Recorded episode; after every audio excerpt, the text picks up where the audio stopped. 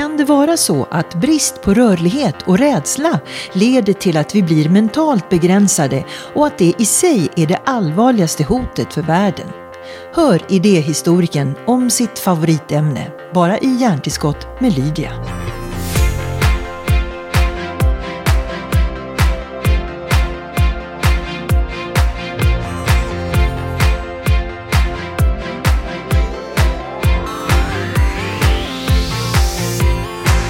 Jag tänkte faktiskt börja från början med det här med att vara idéhistoriker. Mm. Johan Norberg.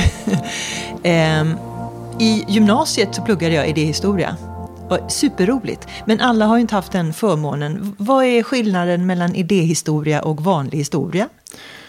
Eh, fördelen är att då angriper man historien från det intellektuella perspektivet. Inte från vad som verkligen hände, utan vad folk tänkte och eh, hur de tolkade vad som hände. Och hur det sen samagerar på något vis med, eh, med den verkliga historien. Och det var ett perfekt ämne för sådana som mig som inte kunde koncentrera sig på något enskilt ämne, utan det kändes som idéhistoria. Där fick man allting. Det var vetenskap, filosofi, politik, ekonomi, och historia. Du var en sån här alltså klassisk kameleont som inte ville definiera dig via något särskilt ämne och så jag, blev det idéhistoria. Jag testade att definiera med enskilda ämnen, både filosofi och litteratur och statsvetenskap och allt möjligt. Men på något vis det var alltid idéhistorien som drog, för att där kändes det som att man fick se på världen från alla olika utkikspunkter på något sätt. Mm.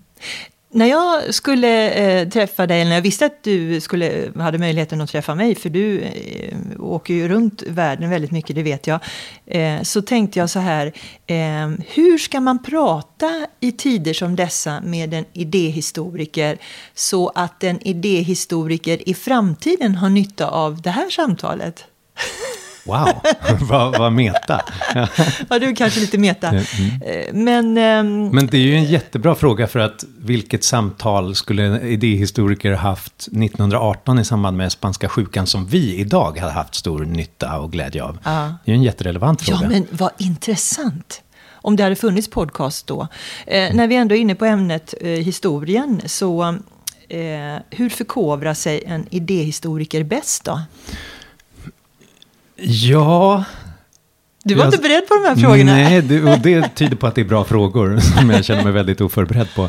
Eh, dels så, man läser väl en del historia, men samtidigt, eh, för tjusningen med historia är just att allting bidrar till det.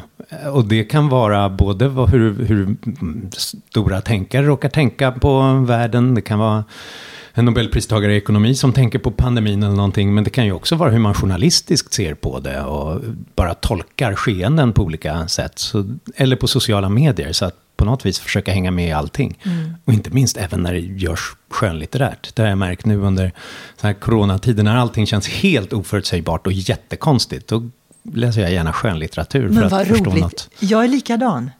Och gärna gamla klassiker, bara mm. för att helt komma ifrån eh, samtiden. Just det. Eh, vad läste du senast då? Nu är det en Mario Vargas Llosa-period för ögonblicket. Så nu var det en peruansk affär som handlade om helt andra saker egentligen. Men mänskliga intriger och, eh, och tjuv, tjuv och rackarspel mm. på olika vis. Eh, Johan, du är så mycket, det vet vi, författare och föreläsare och dokumentärfilmare.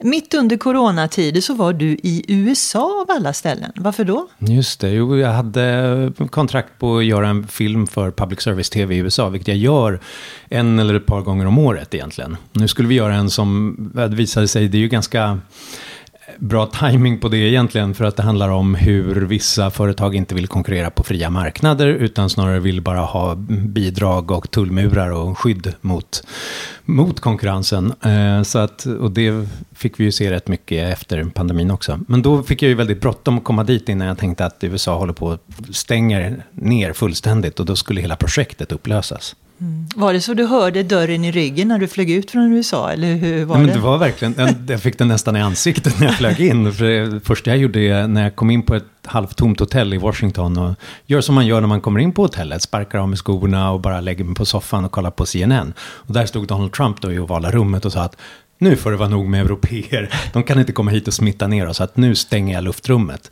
Så att jag hann ju in precis i sista stund. Och sen visade det sig ganska snart då att biljetten hem blev avbokad och det blev allehanda problem. Så att jag fick, jag fick flyga, jag hade fyra länkar tror jag på min resa för att till slut komma från Reykjavik och hem. Mm. Hur politisk är du? Um, det beror på vad politik är. Ja, det. Eh, men är man, mm. eller så här, i, i, i, min kanske eh, enfaldiga stund så tänker mm. jag, ju mer opåverkad man är själv av politik, desto neutralare idéhistoriker kan man mm. vara. Men, men de flesta som känner till ditt namn vet ju att du är nyliberal. Mm. Eh, du har många kontakter och relationer i USA och så vidare. Och, och du har till och med kallats för något så fint som en svensk intellektuell världskändis. Oh, det var fint.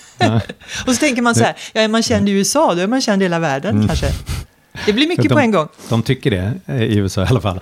Um, jag tror att jag har varit mer politisk och har blivit mindre politisk med tiden. På något vis började med att försöka förändra världen.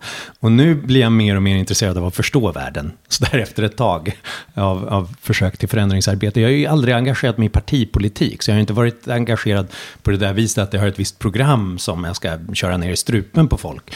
Men det är klart, jag har alltid haft ett, mitt liberala engagemang för en öppen, fri värld. Det har ju alltid funnits med. Men jag får väl säga att jag blir mer och mer öppen för överraskningar eh, från världen och, och även i mitt tänkande med åren. Mm. Du har ju många eh, relationer med USA och du får hjälpa mig att berätta betydelsen i, jag, jag kallar dem för tankesmedjor, men till exempel Mont Pelerin Society och Cato eh, och massa eh, personer med intressanta titlar, allt från filosofer och debattörer och Johan Norberg. Mm. Vad gör ni där?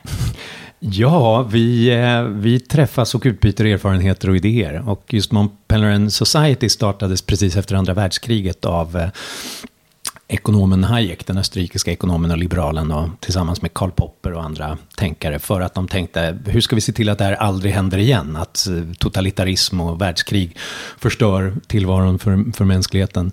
Jo, då träffas vi i en liten schweizisk by och, och försöker hitta de här människorna som, kämpar för mänsklig frihet på olika kontinenter. Och, och sen så har det här flyttats och hamnar på massor av olika ställen. Men det är ett sätt att bygga ett internationellt nätverk på olika sätt. För de har varit här i Sverige också förstår jag? Det har hänt du åtskilliga din... gånger. Ja. Mm. Vad, är det någonting som eh, ni särdeles har haft rätt i, tycker du, tidigt? Um den, den, ständiga oron för, att, för mänskligt vansinne och att det har tendenser att spåra ur då och då. Och då kan det hända ganska obehagliga saker. Så att man måste hela tiden vara på sin vakt mot den här viljan att eh, ha en, en, stark man och en stor stat som på något vis styr upp hela samhället. Därför att det går ofta snett. Och det går ju ofta snett. Så mm. den, på den punkten så har man väl fått rätt. Eh, alla de ledare som finns nu brukar ju oftast förstärka sitt varumärke i, i kriser. Mm. Eh, och eh, det kan man nästan eh, vara säker på. Och det andra man kan vara säker på det är att alla utsatta får det värre. Mm. Yep. Eh, och det, det, känns som det, det, går som cykler i det här. Och, och, du som är en optimist och en väldigt positiv person vet jag. Hur hanterar man en sån vetskap att det kommer igen oavsett vad vi gör? Eller? Ja, jag får väl ha någon slags modifierad form av optimism. Min optimism grundar sig i att jag tror att när människor får vara fria att tänka fritt och söka kunskap och experimentera i konst, teknik och ekonomi, då händer det jättespännande saker som överraskar oss alla på positiva sätt för, för framtiden. Däremot är jag inte helt nödvändigtvis säkert optimistisk om att de kommer få den friheten att göra det. Därför att då och då, som sagt var, så undergrävs allt detta. Och det är ju väldigt cykliskt. Och det är väl det man lär sig som historiker eller idéhistoriker. att vi blir alltid chockade. Men varför gjorde vi det här igen? Vi, vi sa ju att det, det aldrig skulle ske någonsin mer. Och vi har en tendens att ibland, och särskilt i trängda lägen, göra stora dumheter och eh, undergräva de fria civilisationer som, som annars skapar så mycket positivt. Jag tänker alltid så här, varför är det alltid bad guys som alltid hörs mest och inte the good guys? Och varför inte the good guys ser till att det är de som dominerar världen så att det inte är balans jämt, för det vill man inte ha. är det så illa?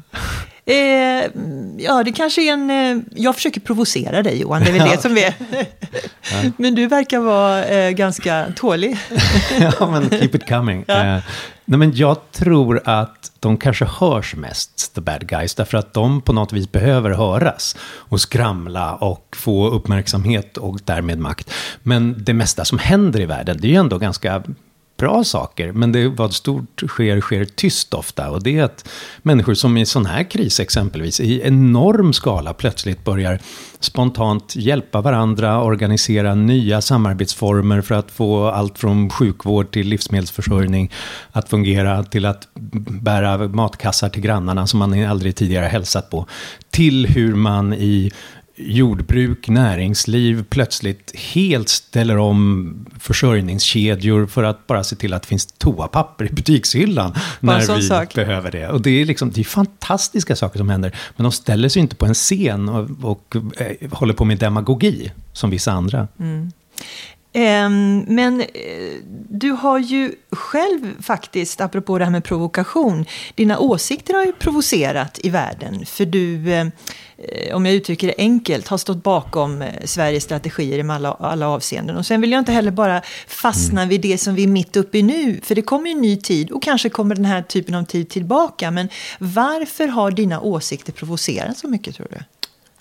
Just i det här sammanhanget, så utan att fastna i det här sammanhanget, så tror jag att det är en värld där vi alla handlar under väldigt stor osäkerhet. Och alla måste också medge sin osäkerhet, även när man, som jag uttrycker, starka åsikter om det. Och då är det klart att när någonting sker som avviker lite från resten av världen, som den svenska linjen i, i pandemin, så är det klart att det provocerar i sig. Och att då tala för detta och ändå argumentera för de positiva bitarna i det. Det, det provocerar för att alla andra vill ju inte känna att de har gjort fel när så mycket står på spel på det här sättet. Så därför har jag fått på något vis blivit så här, utan att jag själv har velat det, jag har nästan blivit så här talesman för Folkhälsomyndigheten internationellt i liksom indisk tv och turkisk och kanadensisk och, och allt möjligt. Men hur har det känts då? Hur har du hanterat det? Ja, men det, som gammal anarkist blir det ju märkligt att företräda liksom svenska myndigheter och socialdemokratisk regering närmast. Eh, men, eh, men samtidigt så finns det ju något oerhört tilltalande i att vara mot strömmen. Mm tycker jag. Det ger väldigt mycket energi. Mm. Det är väldigt underhållande. Man lär sig mycket av det. Både att vara det själv men också att lyssna på någon som går mot strömmen. Ja, jag tycker det. Och särskilt när strömmen är så ofta emotionell. Och det finns så otroligt starka känslor. Och eh, närmast då nidbilder av vad som finns. Att då mitt i den, den stormens öga stå lugnt och stilla och bara argumentera för saken kan... Det är rätt det är fel att använda ordet kul när det är liksom så mycket som står det på spel med, liv och hälsa. Men det, det är spännande. Ja, det är spännande. Låt oss använda det ordet då. Men eh, jag har eh, föräldrar som är i livet. De är runt 90 och har erfarenhet av andra världskriget. Delvis också spanska sjukans effekter. Eh, det är väldigt intressant att prata med dem. Men det tråkiga eh, det är när de säger världen kommer aldrig att lära sig. De är mm. alltså fortfarande tillbaka i det här. Men titta vad som har hänt i en historia där folk fortfarande lever och minns. Eh, och då talar jag inte bara om förintelsen och sådana groteska eh, saker, utan allt som har med krig och pandemier att göra. Mm. Och jag är lite grann tillbaka till det här, eh, vad tycker du vi ska notera inför framtiden? Mm. Ja, det där brukade min pappa alltid säga till mig när jag var som mest optimistisk. Han sa, men du förstår väl att det kommer ju nya krig? Till slut. Ja. Och det kommer galenskap till slut. Jag tyckte, nej men den här gången kanske vi har lärt oss. Och det är klart, det, det har vi ju inte på det eh, sättet. Tyvärr. Eh, och vad, vad, lär vi oss av det då? Alltså på något vis, vi lär oss att vi har vissa, en uppsättning mänskliga instinkter som alltid finns där. Och som du och jag också har. Och som säkert inte alltid är så smickrande i kristider och, och annat. Och att vi på något vis istället för att tänka bort det och bara hoppas att nu är allt annorlunda så måste vi hitta något sätt att leva med det. Att kanalisera det på något sätt och kanske föra in det i lite tryggare banor. Om någon vet hur man gör det så får de gärna höra av sig till mig, för det skulle vara intressant. Du svarade på min fråga med en fråga helt enkelt. Ja, exakt. Bekvämt. Så, så det är ingenting egentligen som man kan förvänta sig att cyklerna eh, lär oss någonting, utan vi måste vara lyhörda för det som händer här och nu, oavsett mm. vilken tid vi är i.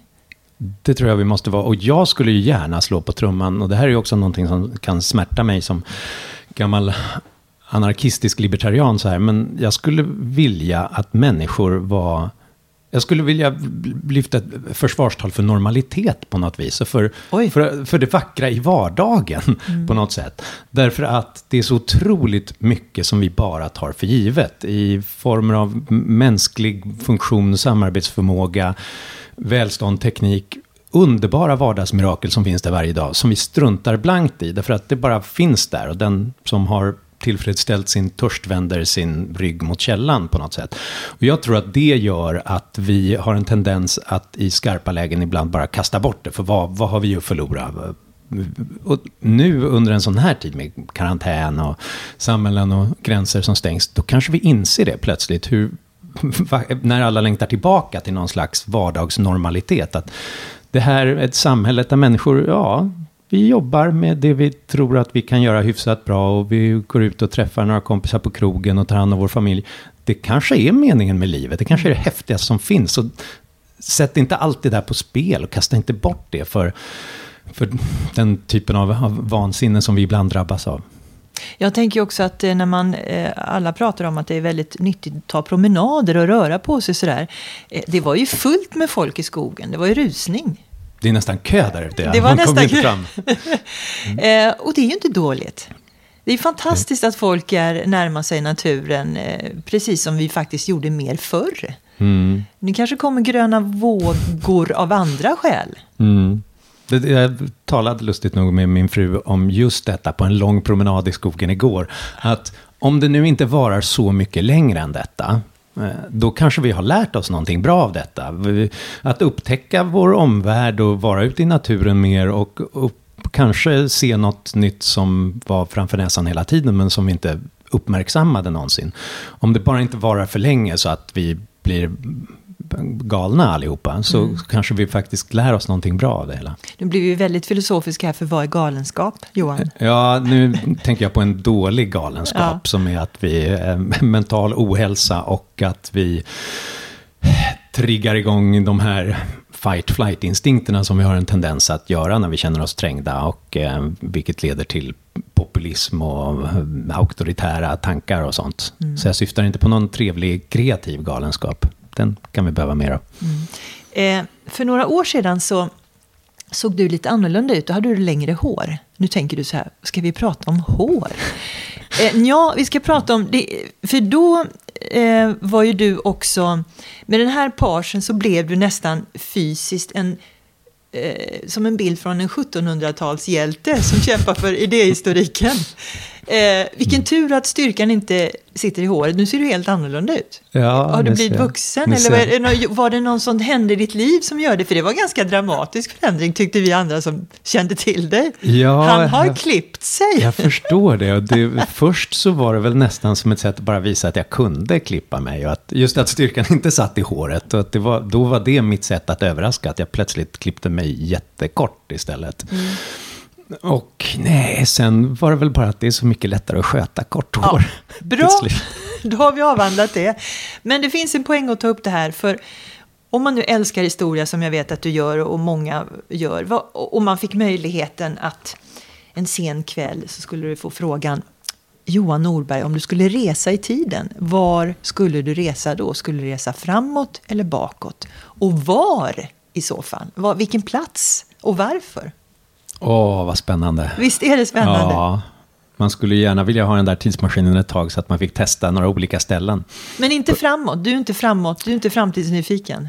Alltså det skulle ju vara vansinnigt spännande, men den har jag på något vis, den är så outgrundlig nästan. Man vill, man vill inte ha facit och spoila historien på det viset. Medan det däremot finns så många platser i historien som man undrar, hur var detta? Och hur var de personerna där? Från, jag menar, när Platon och Aristoteles bråkar med varandra lite om hur, vad är tingens verkliga existens. Man hade ju, om man hade kunnat gammal grekiska så hade det varit en ganska häftig plats att, att vara på i det gamla Aten. Eller för den, jag tänker en sån här otroligt kreativ, spännande period som det hade varit spännande att hoppa in i är Europa och kanske specifikt då England på andra hälften av 1600-talet, första 1700-talet någonting, när vi får de här Republic of Letters-karaktärerna, nya vetenskapsmän och forskare som, och filosofer som bara testar allt och undersöker världen som om den är ny, därför att gamla religiösa tabun har försvunnit. Och så sitter de på kaféer överallt och bråkar med varandra, ja, om tingens verkliga existens och dricker nyimporterat kaffe för första gången och blir jättepigga och kan sitta hela dagen och bråka om sånt. Där hade man ju velat sitta med. Mm. Och det är väl sånt som vi hade behövt mer av i modern tid, att folk bråkar och pratar om tingen.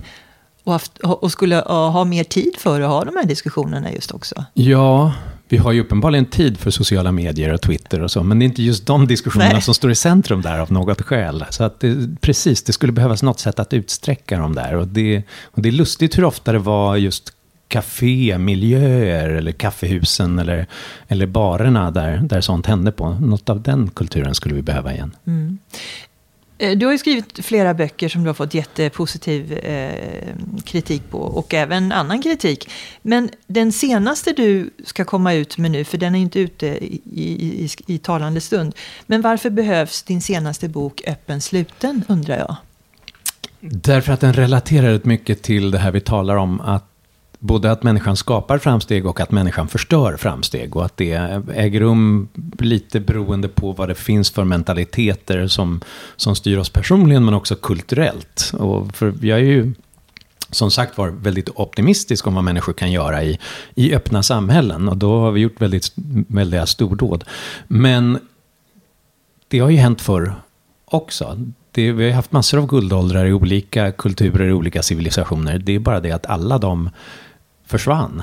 Och då är jag nyfiken på, särskilt i orostider, vad finns det för varningstecken här också? Det som Arnold Toynbee, eh, historikern, sa att de här analogierna mellan civilisationer och mänskliga människan, de, de kan vi inte använda. Det är inte så att en kultur blir gammal och trött och därför dör. Därför att det finns inte någon inprogrammerad eh, maximal livslängd i en kultur eller en civilisation.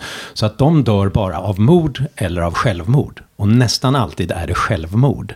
Och, eh, och jag ville titta på de självmorden, de kulturella självmorden i historien. När sluter sig civilisationer och stänger sig för ny inspiration, nya idéer, nya människor, handel och liknande. Och, och finns det risker att vi gör det idag? För det tror jag att det finns. Mm. Finns det något exempel du kan ge som vi kan notera, som vi eh, kan likna det som händer nu? Ja, det finns många som påminner om det och frågan är hur långt man ska gå tillbaka i historien. Men jag tycker att det är, det är ganska spännande när alla talar om Kina. Att det, Kina var ju redan för tusen år sedan störst och, och bäst och vackrast och eh, mest högstående teknik, vetenskap och ekonomi. Vad var det som hände då? Jo, en stor pandemi slog till. Digerdöden på 1300-talet. Och då beslöt sig den styrande mongolska klassen att det här, nu har vi gått vilse, vi måste gå tillbaka till något naturligt. Vi har blivit för influerade av, av det kinesiska och vill bli mindre då öppna och kosmopolitiska. Medan tvärtom då i befolkningen så blir det en motreaktion. Vi kan inte styras av mongoler, vi måste tillbaka till något klassiskt kinesiskt. Så det är egentligen en, en populistisk, nationalistisk reaktion och vi får en ny Ming-dynasti som ja, startar handelskrig och bygger murar, den kinesiska muren och bränner sin sina båtar. Och, och det blir början på en 500-årig episod av stagnation för, för Kinas del. Och det, det är ju otäckt i pandemitider att se sådana paralleller. Vilken kultur känner du dig minst orolig för? Av alla vi har i världen? Västkultur, asiatisk, mm. Europa, Afrika. Eh, vilka har poten potential att anpassa sig? Vi, ja, nu funderar du, för jag mm. tycker det är intressant. Mm. Den romerska kulturen eh, pågick ju väldigt länge och nu är jag ju jätteintresserad över det som eh, orsakade Konstantinopel. Eh, så jag är en liten sucker för historia också. Men vissa kulturer har ju levt längre än andra eh, och nu är de ju ett minne blott. Grekland mm. inte minst. Eh, så tillbaka då till frågan, mm. vilka kulturer är du minst orolig för? Det är en jättespännande fråga och för fem år sedan hade jag utan tvekan sagt USA och den amerikanska kulturen. Nu är jag lite mer osäker på svaret, men jag tror att det fortfarande hamnar där. Därför att det finns, det verkar som att på något vis har den amerikanska befolkningen hittat en förmåga att alltid korrigera sina misstag efter ett tag. På något sätt så blir de lite vansinnigare än andra, ganska snabbt också. De, I New England kunde de bränna häxor och tro att alla var häxor och sen så på 1900-talet så kunde det vara, alla var kommunister och måste bort ur filmindustrin och allt möjligt. Och nu var väl alla islamister och terrorister ett tag. Och, och så. Men sen så, efter några år så kom man på, men gud, det där var ju jättedumt. Nu måste vi helt ändra oss och gå en annan väg. Och på något, det finns någon slags och nu gör jag den här analogin med den mänskliga organismen som Arnold Toynbee säger att man inte får. Men det finns någon slags ungdomlighet i den amerikanska kulturen som jag beundrar. Som går ut på att man gör misstag, men sen ändrar man sig och på nytt föder sig. Och det har nog att göra med att ja, det är en rätt ung nation. Det är en, en, nation av invandrare och mängder av influenser från olika håll. Och som hela tiden ser på världen som sin marknad, både ekonomiskt och idémarknad. Som gör att jag tror att de kommer göra större misstag än vi andra, men de kommer också korrigera dem snabbare än vad vi gör. Förstår jag det rätt att du är minst orolig för den amerikanska kulturen? Ja, det är mitt svar. Jag blir lite fundersam där. Mm. Eh, vem vinner valet tror du då? Eh, ja, det här kanske är paradoxalt, men jag tror ju ändå att Trump vinner mm. det här valet. Och, och det som gör mig och jag tror det är verkligen ett, ett nedgångstecken att en sån person har kunnat nå så pass stor makt. Och som vissa av mina amerikanska vänner säger, att även om han sen försvinner så finns det en sak vi aldrig kan få bort. Och det är det faktum att nästan hälften av landet ville ha honom som president. Det, på något vis, vi kan aldrig komma tillbaka till någon slags oskyldig uppfattning om vilka vi är efter detta. Men det är samtidigt bara USA nästan som kan ha en sån president och inte gå under. Och det är ju det som gör att jag beundrar dem så mycket. Det finns ett system av så mycket motkrafter och maktdelningssystem och liknande. Och alla fungerar ju inte idealiskt på något sätt. Men det gör att det, det blir svårare för enskilda stollar att förstöra allting i USA än någon annanstans. Mm.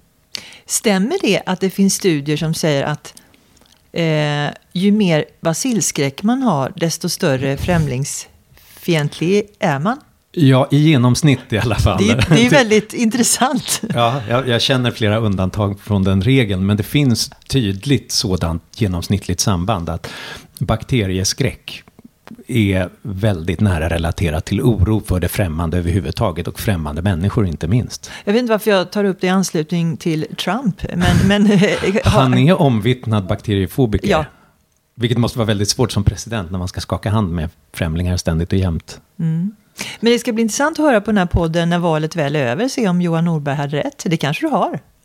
Att han vinner valet? Vinner, ja, vi får se hur han hanterar den här pandemin. Det är ju möjligt att det är början på slutet eh, för honom. Men, men han har en förmåga att resa sig upp och eh, borsta av sig alla dumheter han gjort och bara göra nya dumheter. Ja, det finns ju några som kan det, resa sig några gånger. Mm. Sen kommer en viss gräns, ungefär som boxare.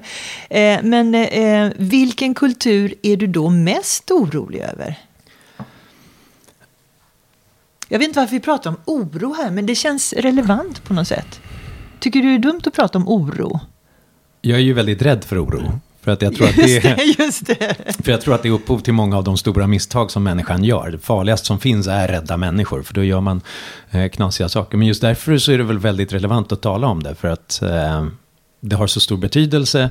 Och sen är det väl också så att um, jag brukar inte få så mycket frågor om vad jag är orolig över. Jag får istället argumentera för min optimism på olika områden. Så att, Därför är det extra roligt att fråga dig ja, vad du är orolig för. Så vilka, vem, vilka är jag orolig över? Jag är... Man blir färgad av allt som nyss, nyligen har hänt eh, förstås i, i sådana här sammanhang. Men jag är ju rätt orolig för den, den ryska civilisationen. För att det finns något ett allmänt, nästan kroniskt, en kronisk ängslighet som är inbyggd i eh, den kulturella atmosfären och i politiken. Som gör att man ser fiender överallt och bästa sättet är då att förekomma snarare än förekommas och därmed ständigt undergräva all form av demokratisering i närheten och all form av eh, opposition på hemmaplan. Och det, skulle kunna växa upp och bli en sån fantastiskt stark, levande, dynamiskt fri civilisation. Men det, det är många som sätter käppar i de hjulen. Mm. Så det, där är jag orolig. Sen, jag, jag, kan ibland ha en viss oro för Europa. Som det, det är inte så himla länge vi har varit en öppen, förenad och fredlig kontinent. Vi har ju, vi har ju ganska mycket krig i blodet på något vis här hemma. Om man nu ska prata om blod. Mm, det kan man också göra. Mm. Jag träffade högsta chefen för marinen häromdagen. Och hon berättade att på både gott och ont märker hon tydligt hur vi har blivit mer protektionistiska. Apropå det du pratar om, mer frihet. Mm. Du har ju debatterat globaliseringen i över 15 år. Eh, hur ska man förhålla sig, tycker du, i det här? Vad ska man vara? Ska vi vara mm. global eller ska vi skydda vårt? Ta en kula för vårt land? Alltså var, var mm. ska man lägga sig rent um, ideologiskt? Kan man säga så? Ja, det kan man väl. Jag tycker att vi ska skydda oss och det våra genom att vara globala.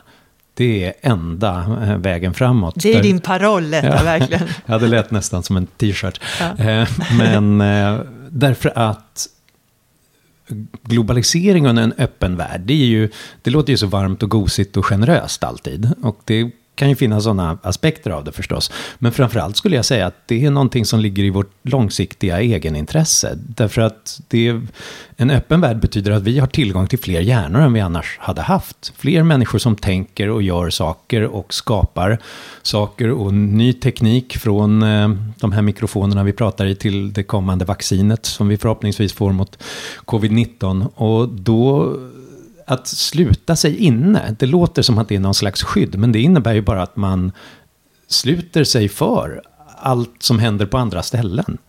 Man, vi, man kanske är the smartest guys in the room, men vilket rum man än sitter i så är det ju jättelitet. Och öppenhet är ju ett sätt att då få tillgång till allt det andra. I, I, dåliga stunder så blir svenskar och svenska kulturen lite anklagad för att vara naiv. Mm. Eh, att vi tror för gott om folk. Ja, att vi är fredsskadade på något sätt, ja. som det kallas. Det är ett ganska hemskt begrepp. Eh, jag tror att det ligger någonting i det. Vi har haft så väldigt mycket fred under drygt 200 år. Inga diktaturer, ingen, och ingen feodalism dessförinnan som vi inte är vana vid aristokrater som eh, beskäl oss på allt vi är och har. Men och det, och det, kan väl bygga, skapa en viss naivitet, att vi tänker att människor är inte alltid ute efter oss. De är inte alltid, sitter inte alltid vid makten för att förstöra allt för oss. Och det kan ju vara farligt, för ibland är det ju någon som vill förstöra. Men det finns ju något ganska bra med den typen av förtroende också för andra människor. Därför att oavsett hur man ser vilken inställning man har så kan det ju bli en självuppfyllande profetia. Se på dig själv och vilken inställning du har genom dagen. Om du tror att alla är ute efter dig och för att förstöra, då blir inte så mycket bra saker gjorda. Men om man tänker istället på vad kan de ha att bidra med, vad skulle vi kunna hitta på, vad skulle kunna hända? Då bygger man ofta bättre saker. Och det är väl därför ekonomer ofta har hittat samband mellan länder där man har en hög grad av förtroende för varandra och allmänt välstånd. Mm. Du verkar vara en person som lyssnar på alla möjliga olika röster och influenser för att få ett, ett intryck av eh, samtiden. Men är det någonting som provocerar dig? Ja, det finns det väl. Um, utan att sätta namn på det eller, uh, eller peka ut någon viss publikation. Någonting som kan provocera mig, det är egentligen viljan att, eh, att förneka den komplexitet som finns i världen. Det ser jag som en väldigt stark trend nämligen.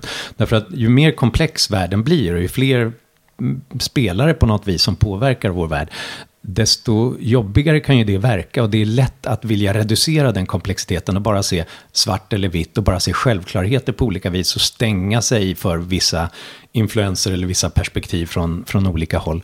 Det tror jag det tror jag nästan mer kan förklara till exempel den populistiska vågen än, än vad en enkel syn på invandring gör. Just det här att man, man vill tro, det finns en enkel lösning och om någon är emot det så betyder det att de är onda eh, och därför ska vi i det verkliga folket ha makten. Det är på något vis att man inte orkar med att nej men tillvaron är lite svår. Det finns avvägningar, det finns prioriteringar, det finns saker vi skulle vilja göra, men då måste vi göra mindre av något annat och sådär. Det, det är en jättejobbig insikt förstås, men det farligaste som finns, det är att bara liksom springa sen med pannan först rakt in i den här väggen. Mm att kunna... det ett konstigt svar? Nej, men, men, men jag tänker på um, när du förkovrar dig så här, då reser du ju mycket för att förstå hur andra folk tänker och mm. vad är deras miljöer. Uh, nu när det här inte blir lika lätt och framförallt mycket dyrare, tror du mm. vi blir mycket mer inskränkta?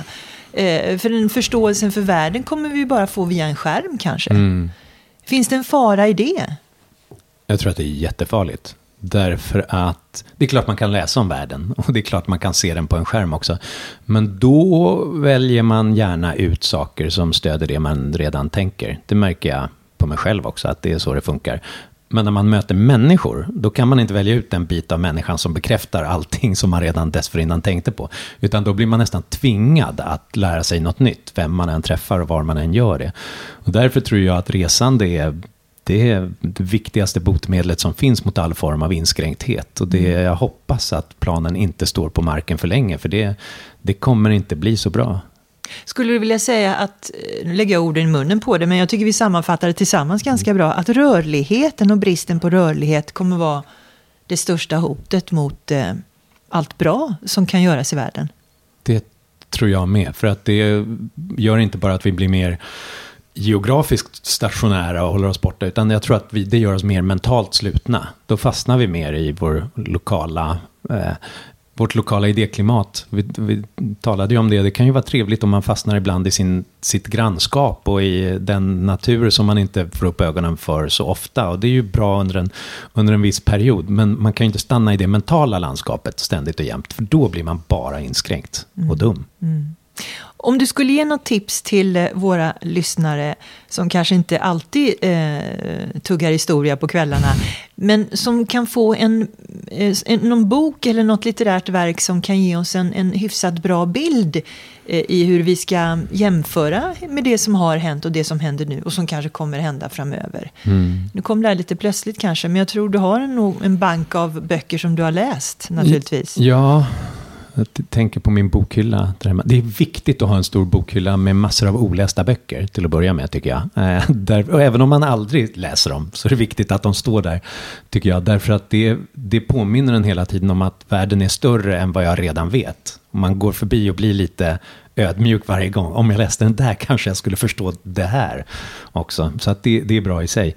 Och, och bland mina favorithistorieböcker så jag nu, det här är ju lite längre perspektiv, men jag tycker att Jared Diamonds bok om vetevapen och virus var en sån där bok som ger en, en miljon idéer och tankar på varför är vi här på det sätt som vi är nu. Eh, och, eh, och många paralleller till, till idag också. Eh, om man vill ha något motsvarande men lite mer ekonomiskt och politiskt så skulle jag säga Asimoglu och Robinsons bok Why Nations Fail som är en otroligt intressant eh, exposé över hela världen och varför vissa länder blev rika och vissa blev fattiga. Nu gav du mig idén till vad vi ska löpa den här podcasten till, nämligen vete, vapen och virus. Ja, just det. Det har du rätt i. Bra, bra poäng. Ja. Vad heter din nästa bok då? Um, den som jag kommer i till höst. Ja, tänkte, heter, nu är det slutet. Eller den därefter. Ja, den därefter. Ah. Öppen och sluten har vi pratat om. Men, men ja. vad, vad, vad är det dina tankar eh, har? Var finns de lite längre fram? Ja. Livet efter öppen och sluten. Ja, precis. Det, det beror på hur det går och vilket som vinner av öppen och sluten. Jag hoppas att min nästa bok inte blir ett, ett försvar för en, en döende frihet mot auktoritära ledare i världen. Eh, men det finns ju förstås sådana risker. Just nu är jag så upptagen av att tänka kring pandemin i sig och hur vi ska ta oss ur detta och vad som händer därefter. Så att jag vad måste medge att jag har svårt att lyfta blicken. Ja. Men, men låt oss bara eh, runda av det här samtalet med klokskaper kring vad som händer efter pandemin. Och jag tvekar lite när jag säger ordet efter, för när är efter? Mm. Efter verkar ju vara så långt mm. innan det är efter efter. Och det är ju det är inte säkert att det blir något efter. Alltså i meningen, det kommer ju hända mer saker i världen. Men det, den här kanske vi alltid får leva med. Och det kan ju bli så att eh, det blir en ständig säsongs... Eh, coronasjuka också. Eh, och, och, det kommer, men det kommer förändra oss på olika vis. Och historiskt sett så leder det ofta till mer slutenhet tyvärr. Det är, därför att vi får den här oron, rädslan för världen, psykologiskt immunförsvar nästan, som gör att vi kommer vilja bygga lite mer murar, vi kommer att vilja bli lite mer självförsörjande, lite mindre globala i vår ambition och det kommer nog bli svårt att återupprätta vissa av de här sakerna som vi tidigare tog för givet, till exempel fri rörlighet i Europa och, och så. Så att det, det tror jag Tyvärr, för det, det smärtar mig den utvecklingen. Det kommer att finnas där. Men jag tror å andra sidan att det kommer finnas en stark motreaktion mot det av det skälet att nu har vi ju fått se på något vis en trailer för vad en avglobaliserad värld skulle se ut. Som. Alltså, det, det är en skräckfilm. Det är så här, nu slutade vi resa, vi slutade handla, vi slutade att röra oss över gränser i bara två månader. Och redan har vi en global depression, massarbetslöshet, fattigdom och hunger som växer till snabbt i världen. Varför skulle någon vilja göra det permanent i så fall? Så att vad jag tror är att på något sätt båda de sidorna kommer stärkas. De som vill ha mer öppenhet och de som vill ha mer slutenhet. Så det kommer nog bli en ganska hård och brutal strid däremellan. Med vapen? Eller med vete och virus. Bra avslut. Tack så mycket Johan Norberg. Tack så mycket.